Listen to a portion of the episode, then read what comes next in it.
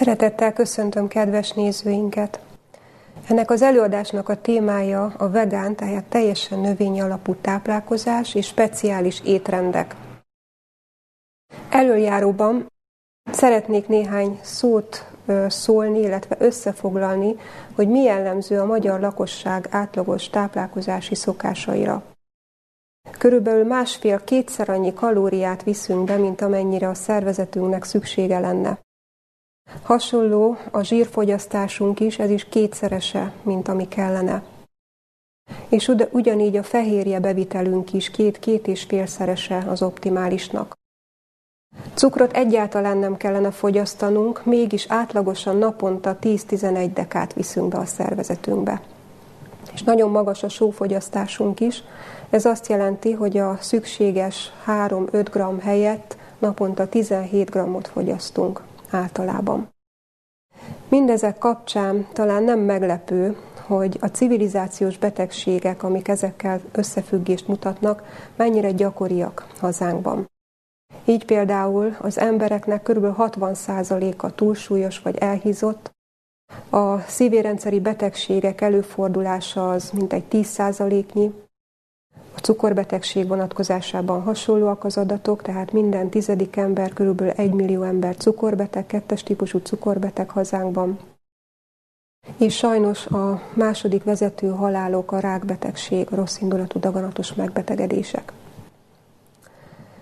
Nézzük ezzel szemben, miért fontos a növényi táplálkozás, mi az, a, ami a megfontolt vegán táplálkozás előnye.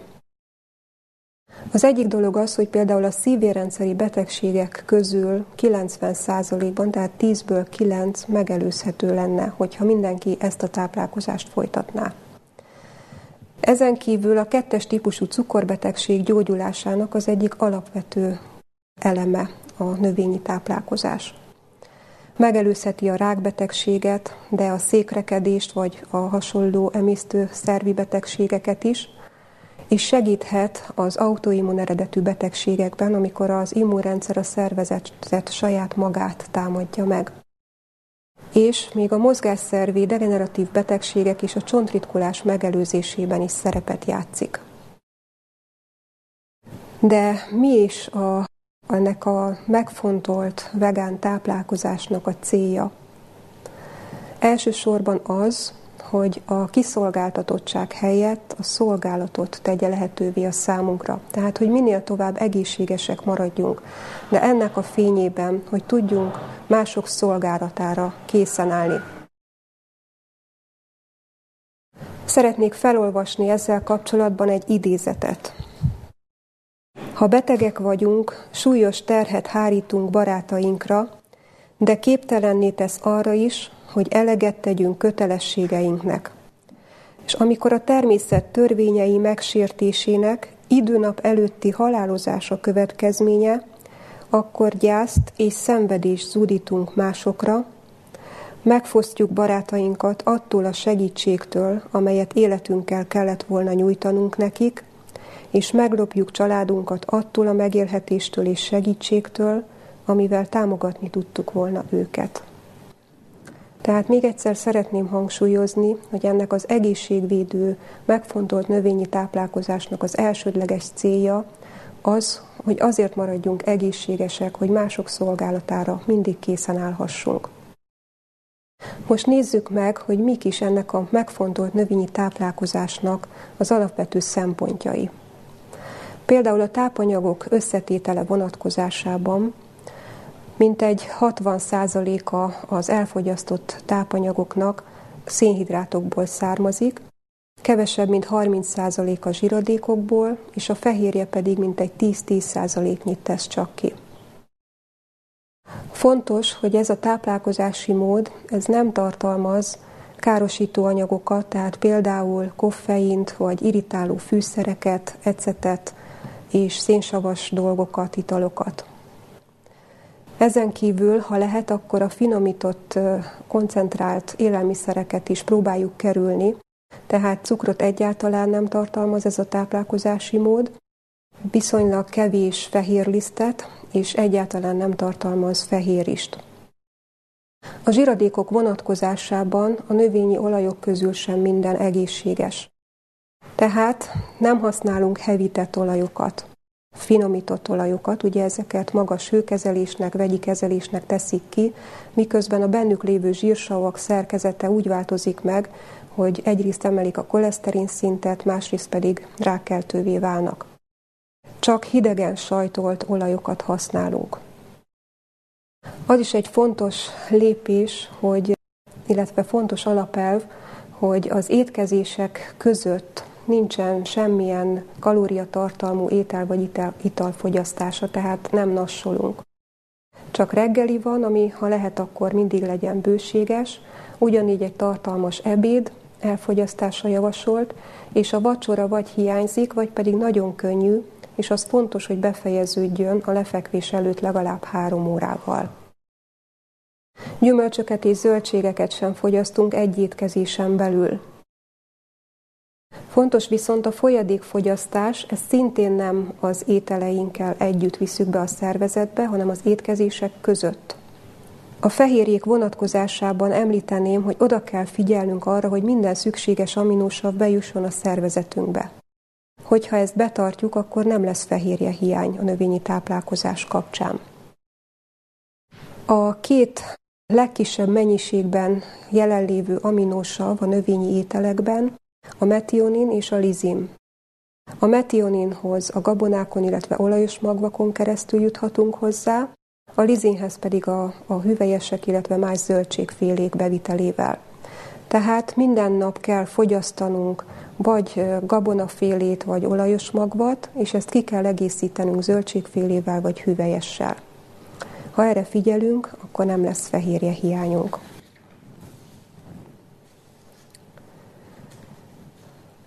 A speciális étrendekre térnék át, tehát a vegán, megfontolt vegán táplálkozás mellett, ami elsősorban megelőzi a betegségeket, mit tehetünk akkor, hogyha már kialakultak bizonyos betegségek. Az első ilyen speciális étrend az egészség helyreállító étrend. Ez az a már említett vegán táplálkozáshoz képest annyival szigorúbb, hogy itt már teljességgel ki kell zárni a finomított, illetve koncentrált élelmiszer alapanyagokat. Tehát nem tartalmazhat nem csak cukrot és hasonló édesítőanyagokat, de fehér lisztet sem egyáltalán.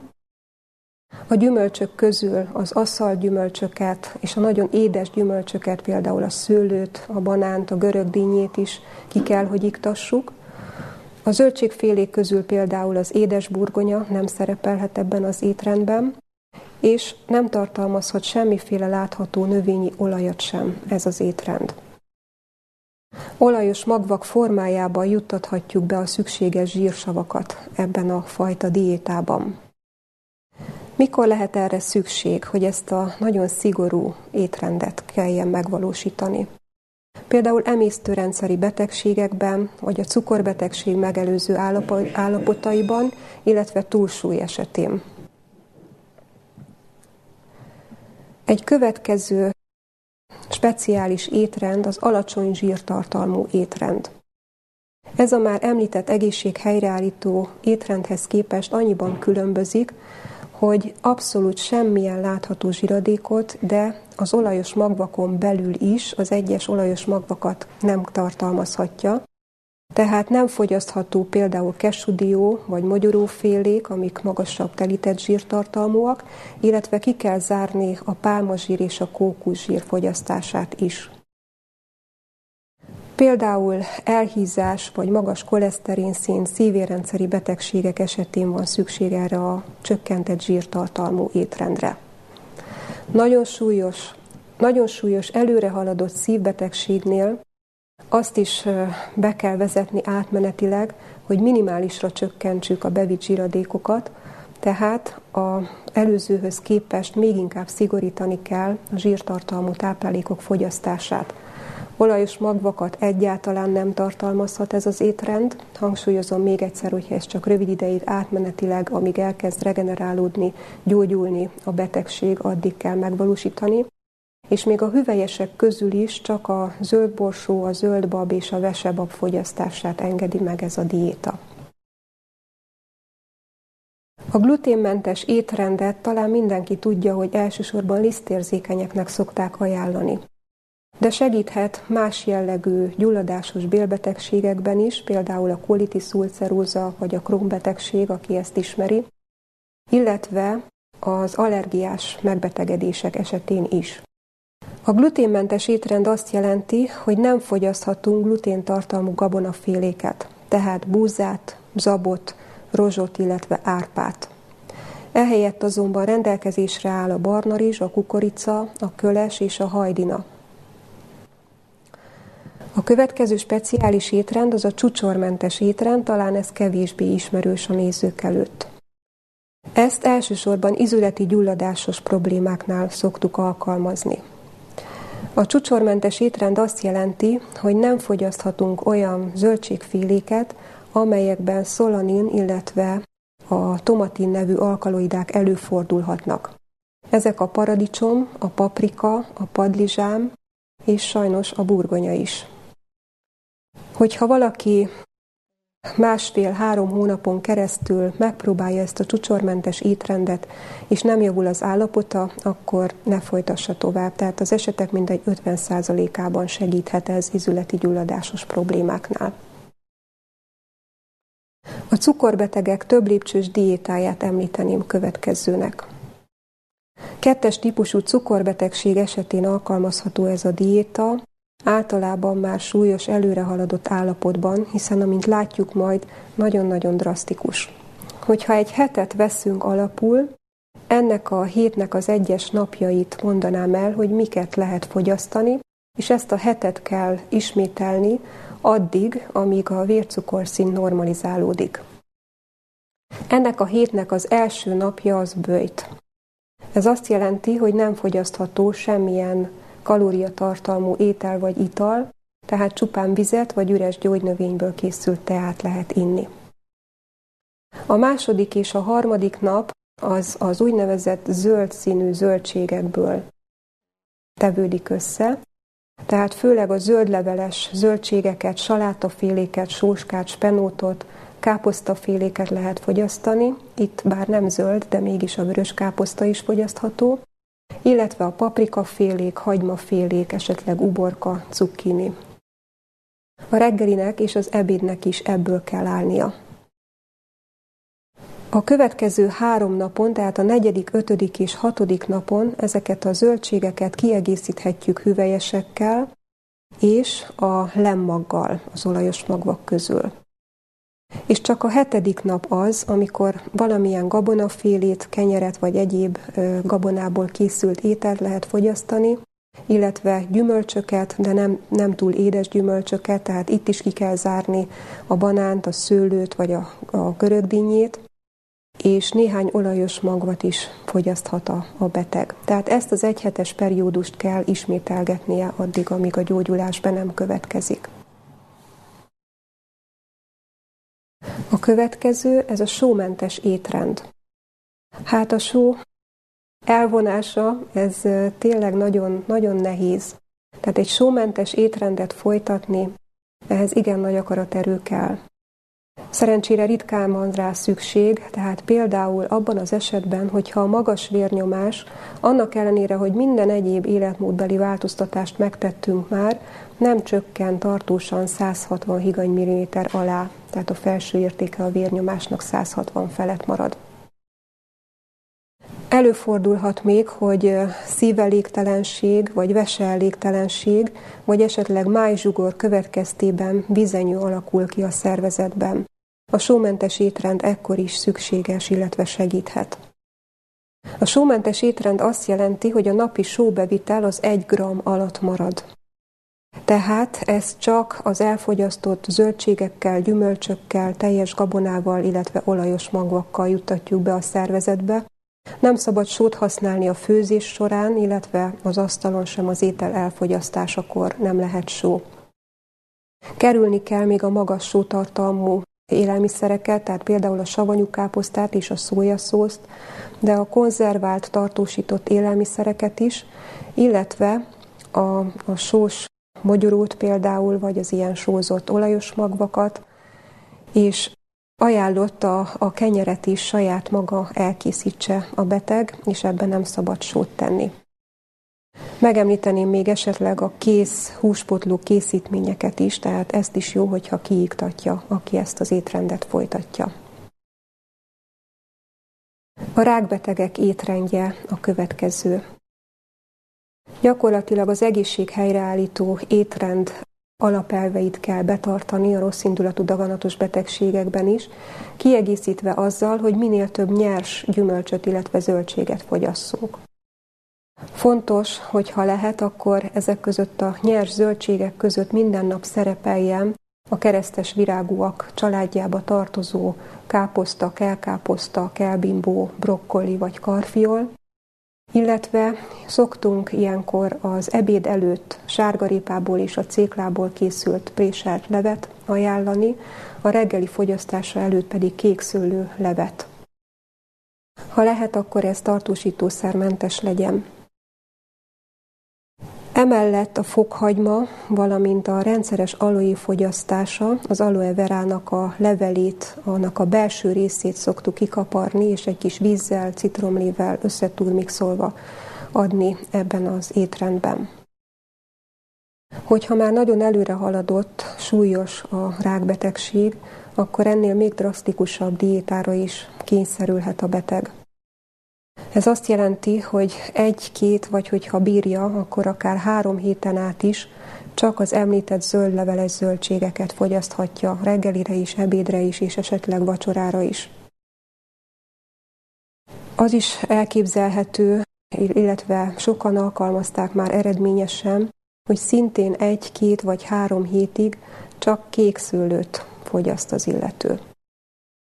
Még súlyosabb, drasztikusabb az a diéta, hogyha ezt úgy teszi meg a beteg, hogy egyik nap fogyasztja a kékszőlőt vagy a zöldleveles zöldségeket, a másik nap pedig bőjtől, és ezt így váltogatva, alternálva használja.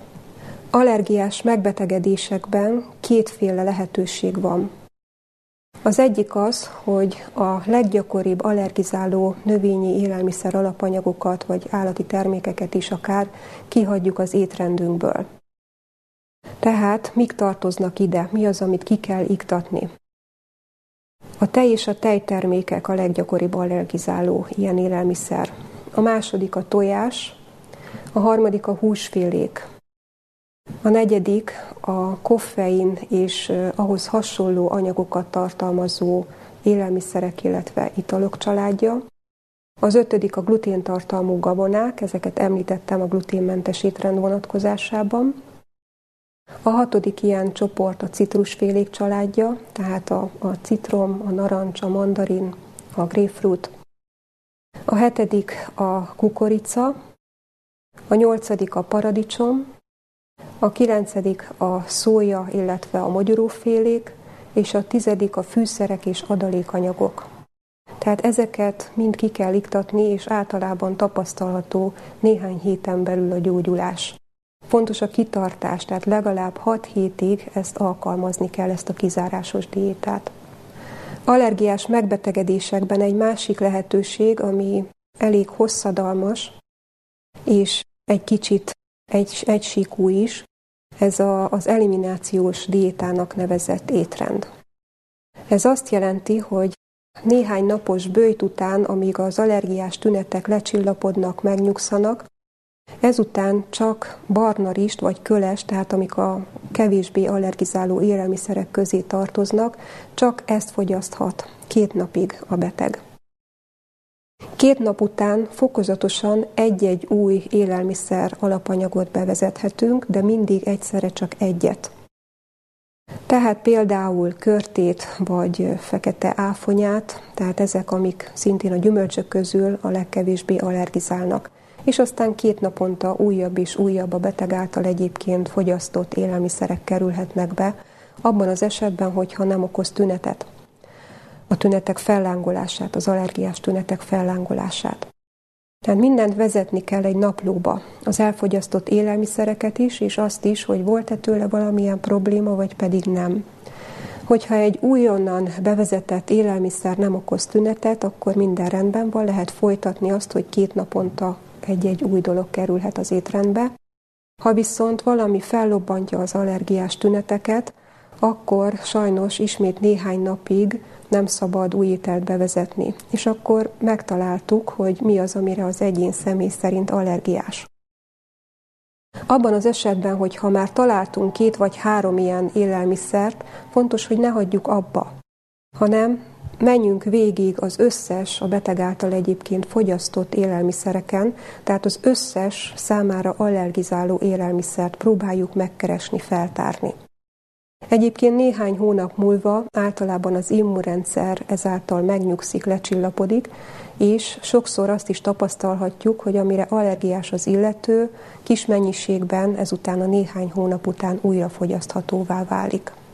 Ennyi speciális étrendet szerettem volna felsorolni, és most szeretnék arra vonatkozásra is rátérni, hogy nyilván ezek rendkívül nagy önuralmat, önfegyelmet igényelnek. Talán semmi nem olyan nehéz, mint amikor valami az étkezésünket kell, hogy korlátozza. Mivel segíthetünk? Mi az, ami előmozdítja azt, hogy mégis be tudjuk tartani az olykor nagyon szigorú követelményeket az étrendünkben? Az első pont talán az, hogy ha tudatosítjuk magunkban ezt a mondást, amit mindenki ismer. Nem azért élünk, hogy együnk, hanem azért eszünk, hogy éljünk. Tehát az egészséges táplálkozásra törekedjünk. A táplálkozás az az egészségünk előmozdítását szolgálja, ne pedig egy élvezeti dolog legyen. A második fontos dolog, ezt a Bibliából szeretném felidézni. Talán ismert az, hogy amikor a, a zsidó népet Egyiptomból, az egyiptomi rabszolgaságból kivezette Isten, akkor ők 40 éven keresztül a pusztában vándoroltak. Ez alatt a 40 év alatt minden nap mind, még egyszer hangsúlyoznám, minden nap ugyanazt a táplálékot kapták a Jóistentől. A pusztában tehát ott nem elérhetőek az élelmiszerek, az Isten kellett, hogy ezt számukra biztosítsa. De vajon miért mindig ugyanazt kapták? Hiszen, hogyha ha körülnézünk a teremtett világban, láthatjuk azt a sokszínűséget, változatosságot, ami a mi teremtőnket jellemzi. Élelmiszereink is rengetegféle van miért minden nap ugyanazt a mannának nevezett élelmiszer biztosította számukra a Jóisten. Olvashatjuk különösen János evangéliumában, hogy ez a mannának nevezett élelmiszer, ez Krisztust jelképezte. És hogyha ha most azon gondolkodunk, hogy miért mindig, miért kell mindig szem előtt tartanunk az, hogy ezt Krisztus jelképezi, akkor erre az egyik válasz az, hogy minden egyes falathoz jó, ha tudatosítjuk, hogy csak Krisztus áldozata árán juthatunk hozzá. Az ő kimondhatatlan szenvedése az, ami, ami egészségünk, ami életünk záloga. A másik szempont pedig talán az, hogy az, hogy Krisztus a kenyér, ezt ő kijelenti magáról, szintén János evangélium a hatodik fejezetében, hogy amiket ő szól, az az élet. Tehát az ő igéje, az ő szava, az a kenyér, amit szintén jó, hogyha minden nap magunkhoz veszük. Hogyha ezt tesszük, tehát olvassuk a Szentírást, a Bibliát, az Isten kijelentéseit, magunkhoz vesszük a lelki táplálékunkat, akkor ezzel egyrészt nyerhetjük azt, hogy az örök életünket munkálja bennünk, másrészt erőt ad ahhoz, hogy be tudjuk tartani ezeket a szigorú korlátozásokat. Tehát ehhez az önfegyelemhez, ami a speciális étrendek vonatkozásában szükséges, csak az isteni segítség birtokában juthatunk hozzá. Köszönöm szépen a figyelmet! thank you